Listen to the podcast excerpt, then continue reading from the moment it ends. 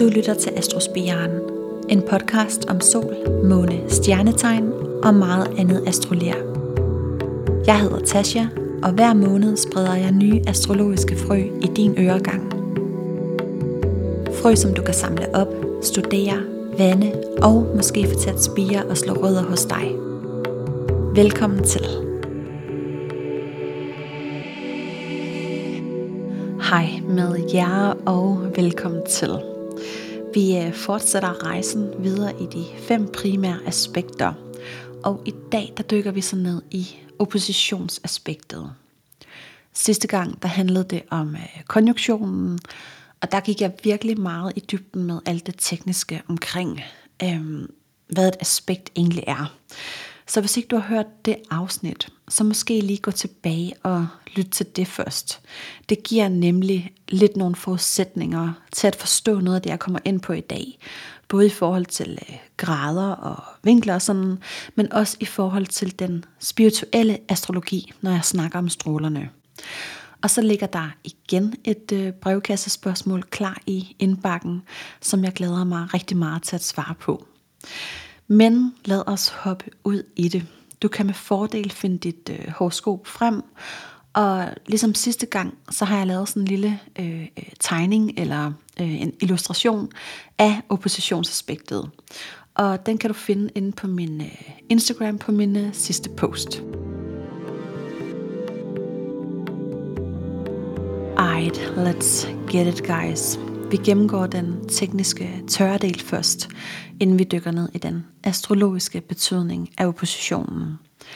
Og horoskopet udgør den her cirkel på 360 grader som et symbol på vores solsystem. Og en opposition opstår, når planeterne står direkte over for hinanden på himlen i hver sin modsatte ende, altså så langt væk fra hinanden som overhovedet muligt.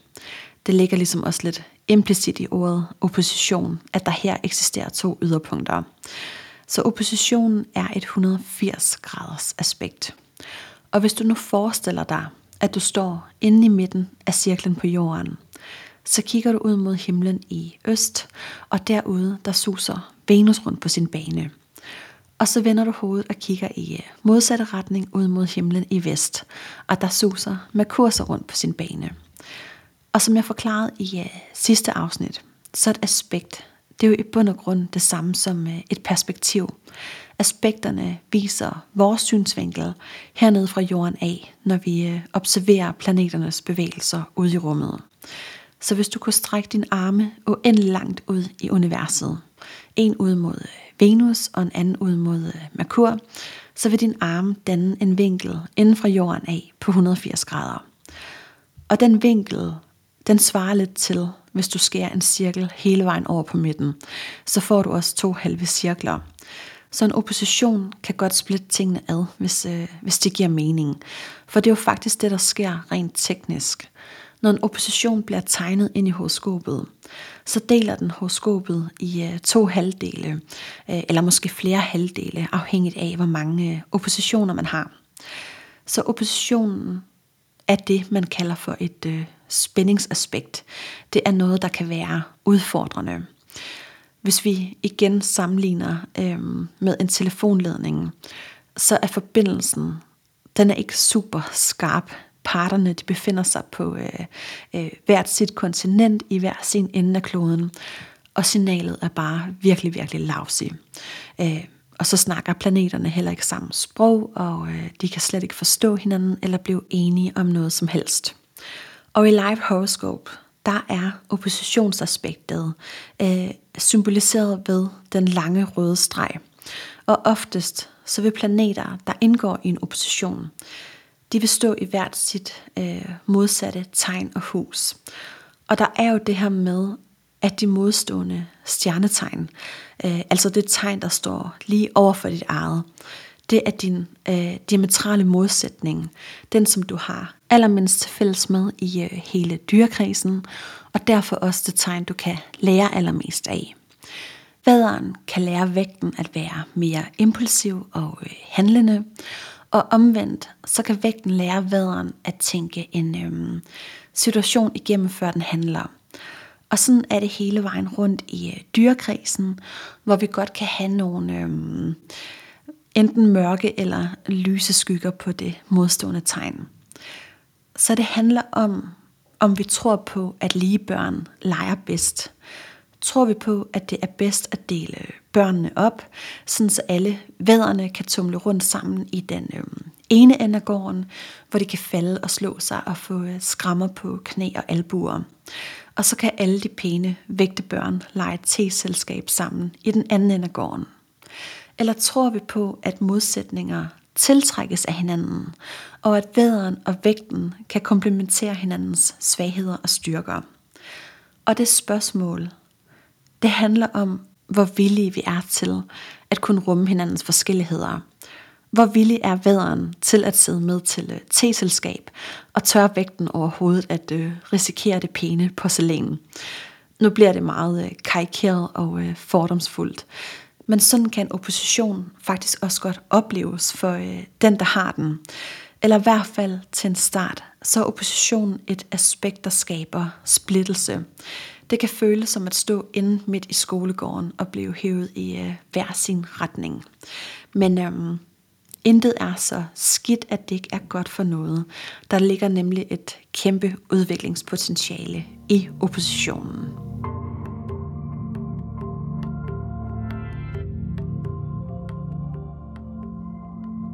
Selve ordet opposition kan oversættes til øhm, modstand mod eller afstandtagen fra nogen eller noget, hvor man ligesom stiller sig fordomsfuldt og modvilligt op mod den anden. Så der ligger en form for øhm, fornægtelse i oppositionen, hvor man afviser den øh, modstående part. Og i starten af livet, altså i en umoden udgave, så er vi meget yderstyret og optaget af at definere os selv ud fra alt det, som vi ikke er. Altså ud fra alle vores antipatier, intolerancer og øhm, aversioner. Vi er noget i kraft af alt det, vi har til fælles med alle dem, der ligner os. Og vi er også noget i kraft af alt det, vi ikke har til fælles med alle dem, der ikke ligner os. Så vi er kun noget i kraft af andre, uanset om vi definerer os selv ud fra vores øh, forskelligheder eller ligheder. Og i en umoden brug af det her aspekt, så vil der oftest være en øh, tendens til at vælge side. Vi vælger banehalvdel og stiller os i den ene ende sammen med den planet, vi øh, identificerer os mest med. Og planeten i den modsatte ende bliver så til idioten på den anden side. Så oppositionen viser i virkeligheden vores egne projektioner og skygger. Måske har vægten et forbudt ønske om at smadre al den pæne porcelæn på øhm, ægte er. Og det, som vi ligesom skal indse, det er, at idioten på den anden side det er dig selv. Det er dit eget horoskop. Du er ejeren af begge planeterne. Og derfor så rummer du selv alle kontrasterne derimellem. Undersøgelser beviser faktisk også, at øhm, langt de fleste de finder en partner, som øh, ligner dem selv. Så når vi siger det her med, at lige børn leger bedst, så er det altså ikke bare en øh, skrøne. Vi bliver rent faktisk tiltrukket af en partner med øh, samme sociale status, samme indkomst, samme øh, uddannelsesniveau og udseende som os selv. Altså hvis du nu selv er en 8 på skalaen, så, øhm, så går du ikke ud med en toer, vel? Det kaldes også for homogami, når vi bliver tiltrukket af en partner, der ligner os. Og det skyldes, at når vi møder en, som vi kan spejle os i, så føles det trygt og velkendt. Så det her med, at modsætninger mødes, det er altså ikke helt rigtigt. Eller det kræver i hvert fald, at vi kan se ud over vores egen bagage, som vi har med fra det miljø, vi er blevet præget af som børn. I det øjeblik, vi ikke længere identificerer os selv gennem social status, kulturel baggrund, uddannelse, indkomst og alle de her andre øh, ydre overfladiske ting, så kan vi begynde at være øh, nysgerrige. Vi kan gå på opdagelse i hinandens forskelligheder og blive forundret over, hvor anderledes der kan være over på den anden side af kloden, hvor de snakker et øh, helt andet sprog. Og det er selvfølgelig den modne og modige måde at bruge opposition på. Nemlig konstruktivt og med kærlighed, hvor vi beriger hinanden og mødes i en øh, samlet styrke, i stedet for at bekrige hinanden. Så oppositionen, den kan enten skille os ad, eller den kan binde os tættere sammen.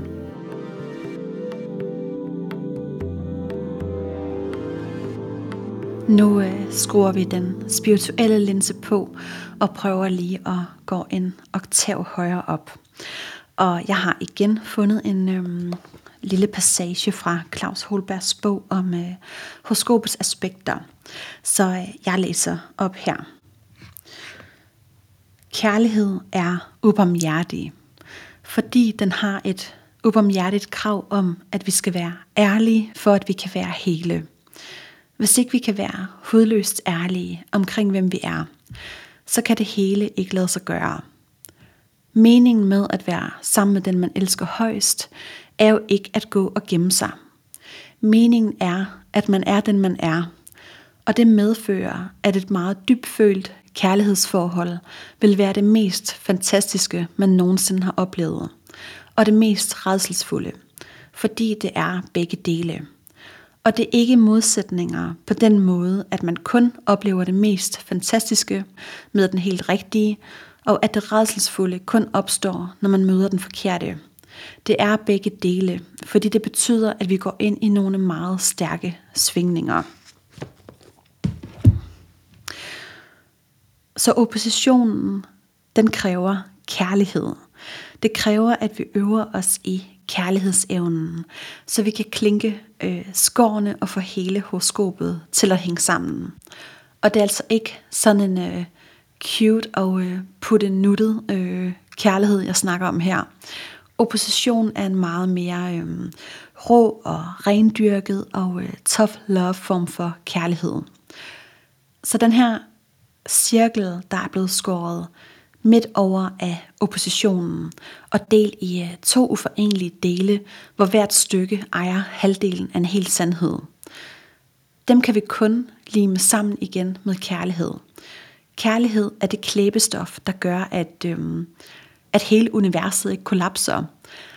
Og som jeg snakkede om i øhm, sidste afsnit, så hænger hvert aspekt sammen med en stråle. Inden for den esoteriske astrologi, der opererer man med øh, syv stråler, der fungerer som nogle bagvedliggende energier. Og oppositionen hænger sammen med øh, anden stråle, og det er selvfølgelig strålen for kærlighed. Fordi kærlighed er universets klister. Det er den lim, der binder alting sammen og fungerer som en uh, sammenhængende kraft. I stedet for at bekrige og nedkæmpe sin modstander og vælge side, så kan vi vælge at stille os ind i øh, midten af oppositionen og prøve at forstå og respektere begge sider for, øhm, for det, de hver især rummer. Kun gennem kærlighed kan vi forene de to halvdele til en fuldendt cirkel, der kan overskue en større og meget mere øhm, samlet helhed. Så det, der før var to modsatrettede ortodoxer, bliver på den måde til et samlet paradoks, der rummer flere nuancer og måder at se tingene på. Og paradokset, det er jo nok en af de ældste beretninger, der overhovedet findes, og som er blevet fortalt op gennem tiderne. Historien om øh, kaos over for orden, det onde mod det gode, kampen mellem lyset og mørket, og øh, ånden over materien, det er en fortælling, der nærmest er lige så gammel som øh, universet selv.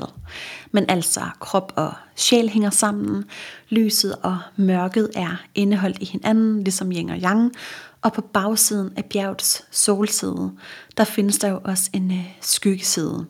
Så der eksisterer altså ikke noget enten, uden der også eksisterer et eller. Og de her store temaer, de udspiller sig jo også på øh, daglig basis hernede på vores lille planet Jorden. Polariteterne findes overalt, både indeni og uden på os selv. De to idioter på hver sin side, der før var fjender, de bliver til hinandens bedste venner. I stedet for at øh, frastøde sig hinanden, så tiltrækkes de af hinandens forskelligheder i et forhold, der er gensidigt afhængig af den anden for at kunne eksistere. Men det kræver altså en virkelig, virkelig øh, kraftig superlim at forbinde de planeter, der står i hvert sit ringhjørne, så de kan forenes i øh, harmonisk øh, sameksistens. Og ligesom med øh, konjunktionen, så er der nogle planeter, der er lettere at forene i øh, harmoni end andre. De personlige planeter øh, tættest på øh, solen, øh, altså øh, månen, Merkur, Venus, Mars, Ceres og øh, til en vis grad også øh, Jupiter. Rent astrologisk så ligger de nogenlunde i øh, samme vægtklasse og har samme styrkeforhold. Så hvis vi sætter to jævnbyrdige øh, modstandere, som for eksempel Mars og Merkur op i en øh, indbyrdes kamp i opposition mod hinanden, så bliver de meget hurtigt øh, gode venner. De er mere øh, ligeværdige og kan skiftes til at vinde. Den ene dag, så er det øh, Merkur, der får et øh, par på kassen, og dagen efter, så er det Mars, der bliver knockoutet. Indtil de lærer at øh, måske aftale spillet på forhånd. Hvorimod, hvis vi sætter en af de øh, ydre kollektive planeter fra øh, Saturn og øh, ud efter, op mod en af de små, så har de store planeter en tendens til at øh, slå de små planeter i gulvet øh, i hver runde. I en brydekamp mellem Venus og Pluto, så vil det altid være sværvægteren Pluto, der vinder over Venus. Eller det vil i hvert fald være et livslangt tema at lære at åbne op for ens øh, modtagende kanal. Venus er jo det øh, modtagende og nydende princip. Men med en øh, Pluto på, så bliver der lukket ned for evnen til at øh, nyde og tage imod. Så hvis man er født med mange oppositioner i sit horoskop, så vil man typisk i sit liv også øh, opleve at komme ud for mange øh, konfrontationer og sammenstød med andre mennesker. Mennesker, der på en eller anden måde udløser enten den øhm, øh, ene eller den anden ende af øh, oppositionen i det livsområde, som øh, oppositionen dækker. I eksemplet med øhm, øh, Venus og Pluto, så vil man typisk opfatte alle andre som meget øh, magtfuld og dominerende. Man møder måske ofte mennesker, der øh, repræsenterer den øh, side af oppositionen, hvor øh, Pluto står. Indtil man indser, at man selv ejer viljen til ikke at lade sig undertrykke. Så den samme øh, power og magt, man, øh, man tillægger andre, den findes altså allerede inde i øh, en selv. Og hvis det er øh, Saturn, den øh, store lærermester, der står i opposition og trykker en af de øh, små planeter, så vil man typisk opfatte andre som øh, kæmpe autoriteter og øh, meget, meget dygtigere og bedre end, øh, end en selv. Jeg har øh, øh, selv tre oppositioner i øh, mit horoskop, eller flere afhængigt af, hvordan man, øh, man ser på det. Jeg har Eris i øh, væderen i øh, 10. hus, i opposition til Ceres i vægten i 4. hus. Og så har jeg Jupiter i øh, fiskene, også i øh, 10. hus, i opposition til Haumea i Jomfruen i 4. hus. Og så står min Jupiter øh, faktisk også i opposition til hele mit øh, stelium med øh, sol, måne, merkur og marke, marke i tredje hus. Så der er en del spændinger i, øh, i mit horoskop, både mellem de store og de små planeter. Og jeg er ikke engang kommet til øh, kvadraterne endnu. Dem, øh, dem tager vi næste gang. Men selvom jeg på ægte Merkur i øh, jomfruen, man er, kender hele mit horoskop i hovedet uden ad, ud og ind med øh, alle detaljer, aspekter og grader, så forstår jeg jo ikke til fulde, hvad, øh, hvad alt det her det dybest set betyder. Jeg er ikke der i min udvikling, hvor jeg kan rumme og forstå alle de bagvedliggende mønstre og spændinger, der ligger i øh, alle otte planeter, der indgår i øh, de tre oppositioner, jeg har. Det er de færreste mennesker, der bevidsthedsmæssigt kan rumme hele deres horoskop, så er jeg slet ikke i tvivl om, at jeg har en øhm, masse blinde punkter øhm, og en masse mulighed for udviklingen.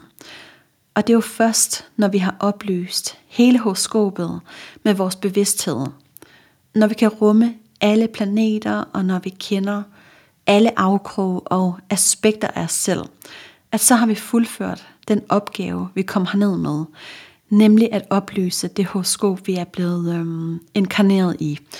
Og det kan jo tage mange øh, livsrejser, før vi når til, øh, til det stadie.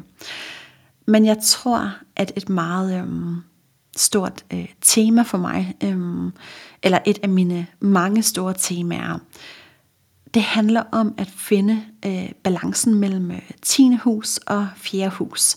Altså mellem mit hjem og den øh, identitet, jeg knytter til øh, min familie, og hvordan jeg så øh, kan forene det med en øh, karriere, eller i det hele taget med at komme ud og blive synlig og, øh, og stræbe efter nogle ambitioner, der går ud over mit eget fundament.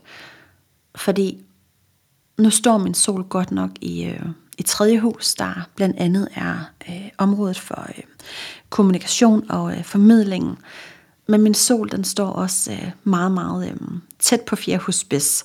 Så den er altså i konjunktion med øh, IC, modsat min Jupiter, som er i konjunktion med øh, MC. Så det handler om en integrering af, hvem jeg er i min øh, kerne, altså øh, solen, min identitet, og meningen med den her Jupiter. Hvordan skal den vækste og øh, ekspandere på ambitionerne, samtidig med, at jeg har mig selv med. Og en af mine øh, store skygger, da, da jeg var yngre, det var, at jeg jeg gemte mig nede i, øh, i natbuen ved øh, solen på IC, og så kiggede jeg op på Jupiter i dagbuen, på alle de øh, selvfede, selvpromoverende jubelidioter, der bare vil gøre øh, hvad som helst for at få en smule øh, opmærksomhed. Fordi jeg troede ikke, at jeg måtte stå i spotlightet og fylde. Og jeg kan stadigvæk få lyst til at øh, trække mig helt tilbage ind i min skal og, øh, og gemme mig. Hvis nu jeg skal lytte et af min, øh, min afsnit igennem, efter jeg har, jeg har redigeret det, og hvis jeg så føler, at jeg har delt for meget ud af mig selv her på kanalen, så kan jeg blive totalt cringe og få sådan helt øh, dårlig røv over, at, øh, at andre skal lytte til mig. Men øh, nu er det jo faktisk min Jupiter i, øh, i mit horoskop, som jeg har alle de her øh, fordomme overfor. En Jupiter i 10. hus handler nemlig om at, øhm, at blive set. Og jeg vil jo heller ikke sidde her og bruge energi på at, øhm, at dele ud, hvis ikke jeg følte, at jeg havde noget, øhm, noget virkelig personligt øh, af værdi at give ud af. Men øhm, det svinger øh, mellem to ekstremer, hvor jeg i øh, perioder har brug for at øh, øh, trække mig tilbage fra omverdenen øh, for at lade op. Og bagefter, så kan jeg så finde overskuddet og lysten til at øh, øh, stå frem og dele ud med min, øh, min Jupiter. Og nu nævnte jeg øh, lige kort det her med øh, øh, horoskopets øh, natbue og, øh, og dagbue. Og sådan helt groft meget forenklet, så kan man inddele horoskopet i, øh, i fire halvbuer, og så tyde en oppositions overordnede tema ud fra, i hvilke buer planeterne står i. Den øh, øverste halvbue af horoskopet, øh, altså den bue, der ligger op ved øh, MC over horisonten, den hedder dagbuen. Og den øh, nederste halvbue nede ved øh, IC, der ligger under horisonten, den hedder natbuen. Og hvis der er en opposition mellem dagbuen øh, og natbuen, altså hvis den ene ende af oppositionen er oppe i øh, dagbuen, og den anden er nede i øh, natbuen, ligesom i, øh, i mit tilfælde, så er det en splittelse mellem at være øh, hjemme nede i ens øh, fundament, ens rødder, og så komme op i lyset og, øhm, og folde sin blade ud og vise sin, øhm, sin trækrone til resten af verden. Og så er der venstre halvbue over ved øh, ascendanten, som ligger til øh, venstre for den lodrette akse. Og den hedder øh, jegbuen, fordi den handler om øh, forholdet til ens selv og ens egne indre ressourcer. Modsat øh, højre halvbue over ved øh, descendanten, som hedder dubuen, fordi den handler om forholdet til alle andre. Øh, så ja, det er sådan meget øh, øh, enkelt, øh, groft trukket op, og i en horoskoptydning, der vil man selvfølgelig dykke dybere ned gennem alle lagene og se på øh, planeter i tegn og i hus øh, og aspekter osv. Men øh, tilbage til det, som, øh, som det hele handler om, nemlig at kunne se med kærlige, milde øjne på modparten. Ikke fordømme, men øve sig i rummelighed og kærlighed. Anden stråle øh, korresponderer også med øh, Jupiter og solen, som, øh, som begge to styrer hjertechakraet. Så udviklingen går altså fra at være øh, selvcentreret til kun at kunne øh, fagne sig selv, og så til at kunne fagne alle mennesker. Hele vores øh, solsystem er faktisk et andet stråleunivers, så hjertets frekvens svinger på hele solsystemets øh, grundvibration, fordi kærlighed er universets klister.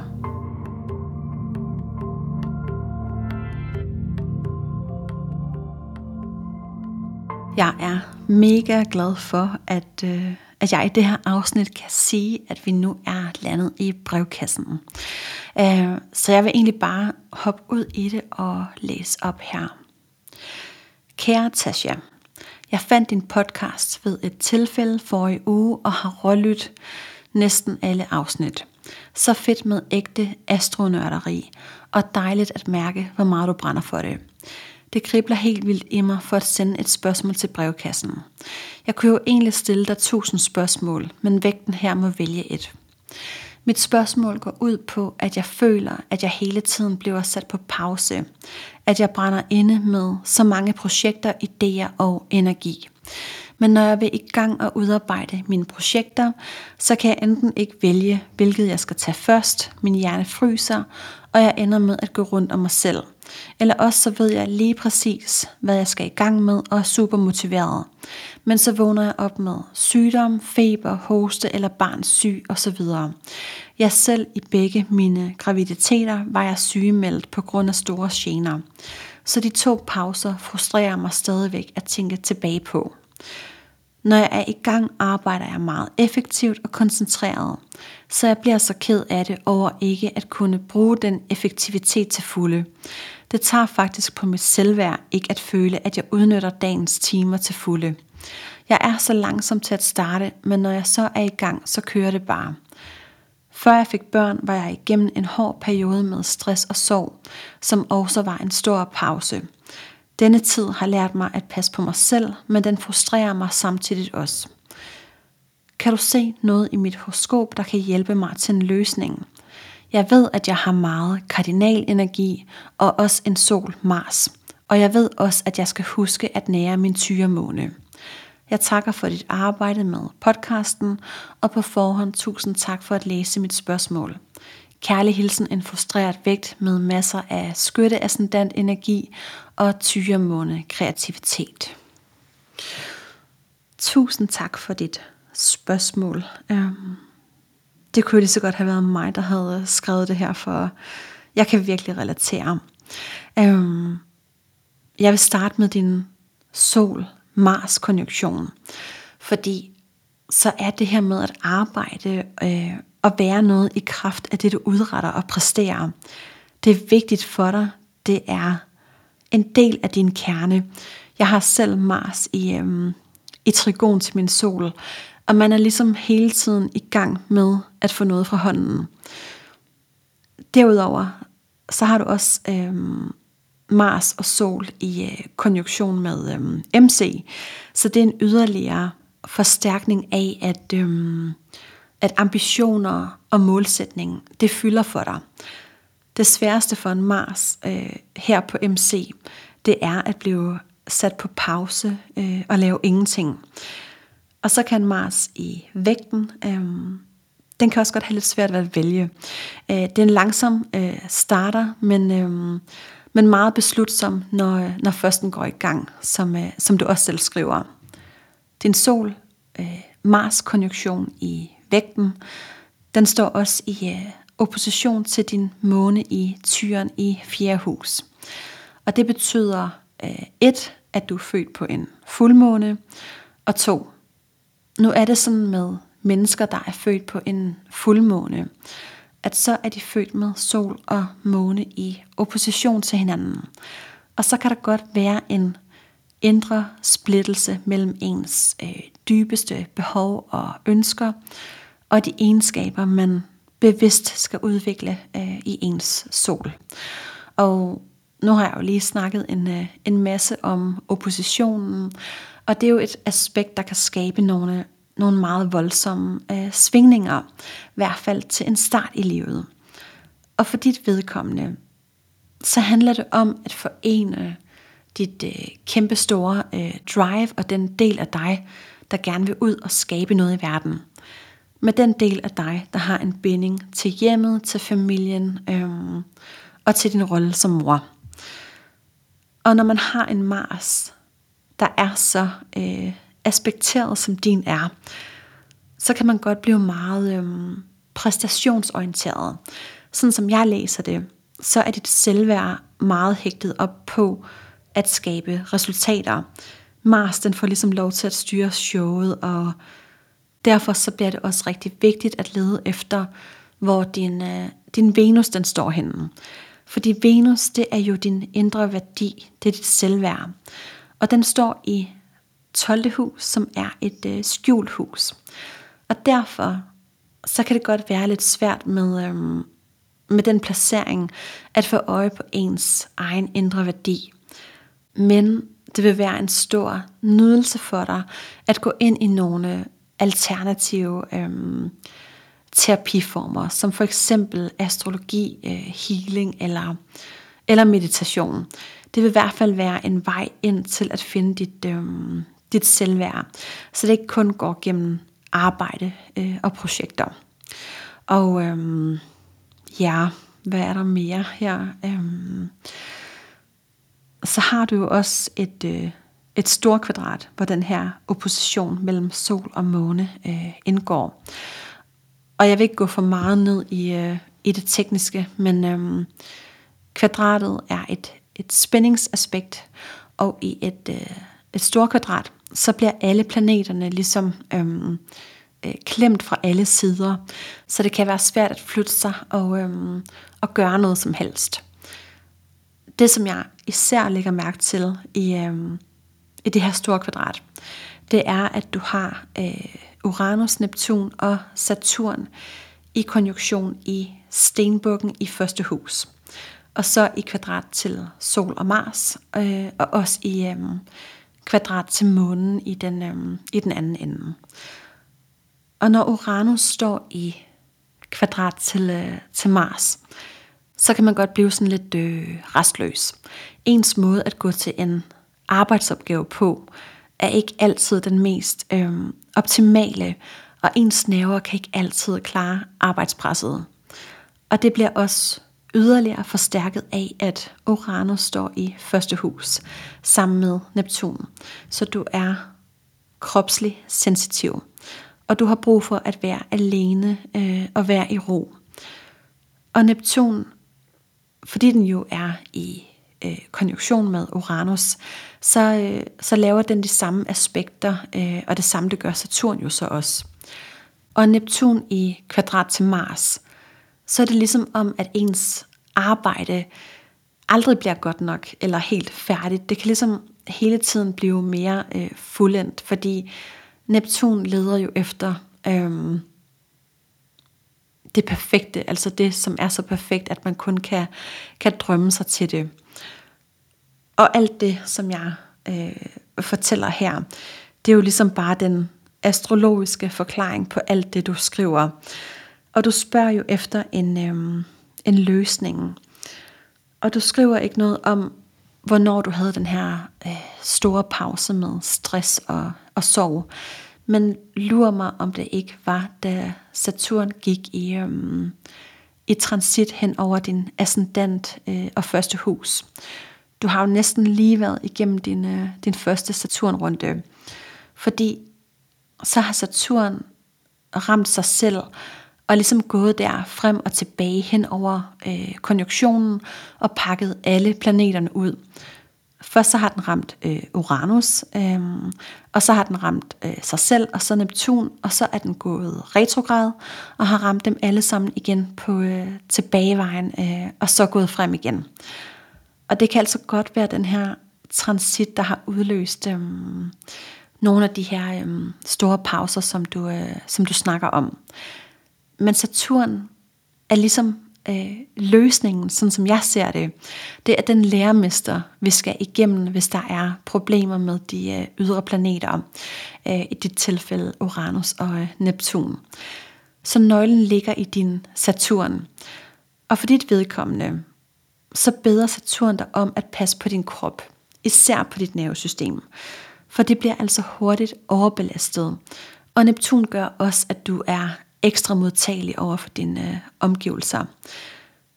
Du ved nok, når vi er stresset eller i øh, underskud eller ignorerer kroppens signaler, så er vi også meget mere øh, udsatte og eksponeret for at øh, rave alt muligt øh, skidt til os.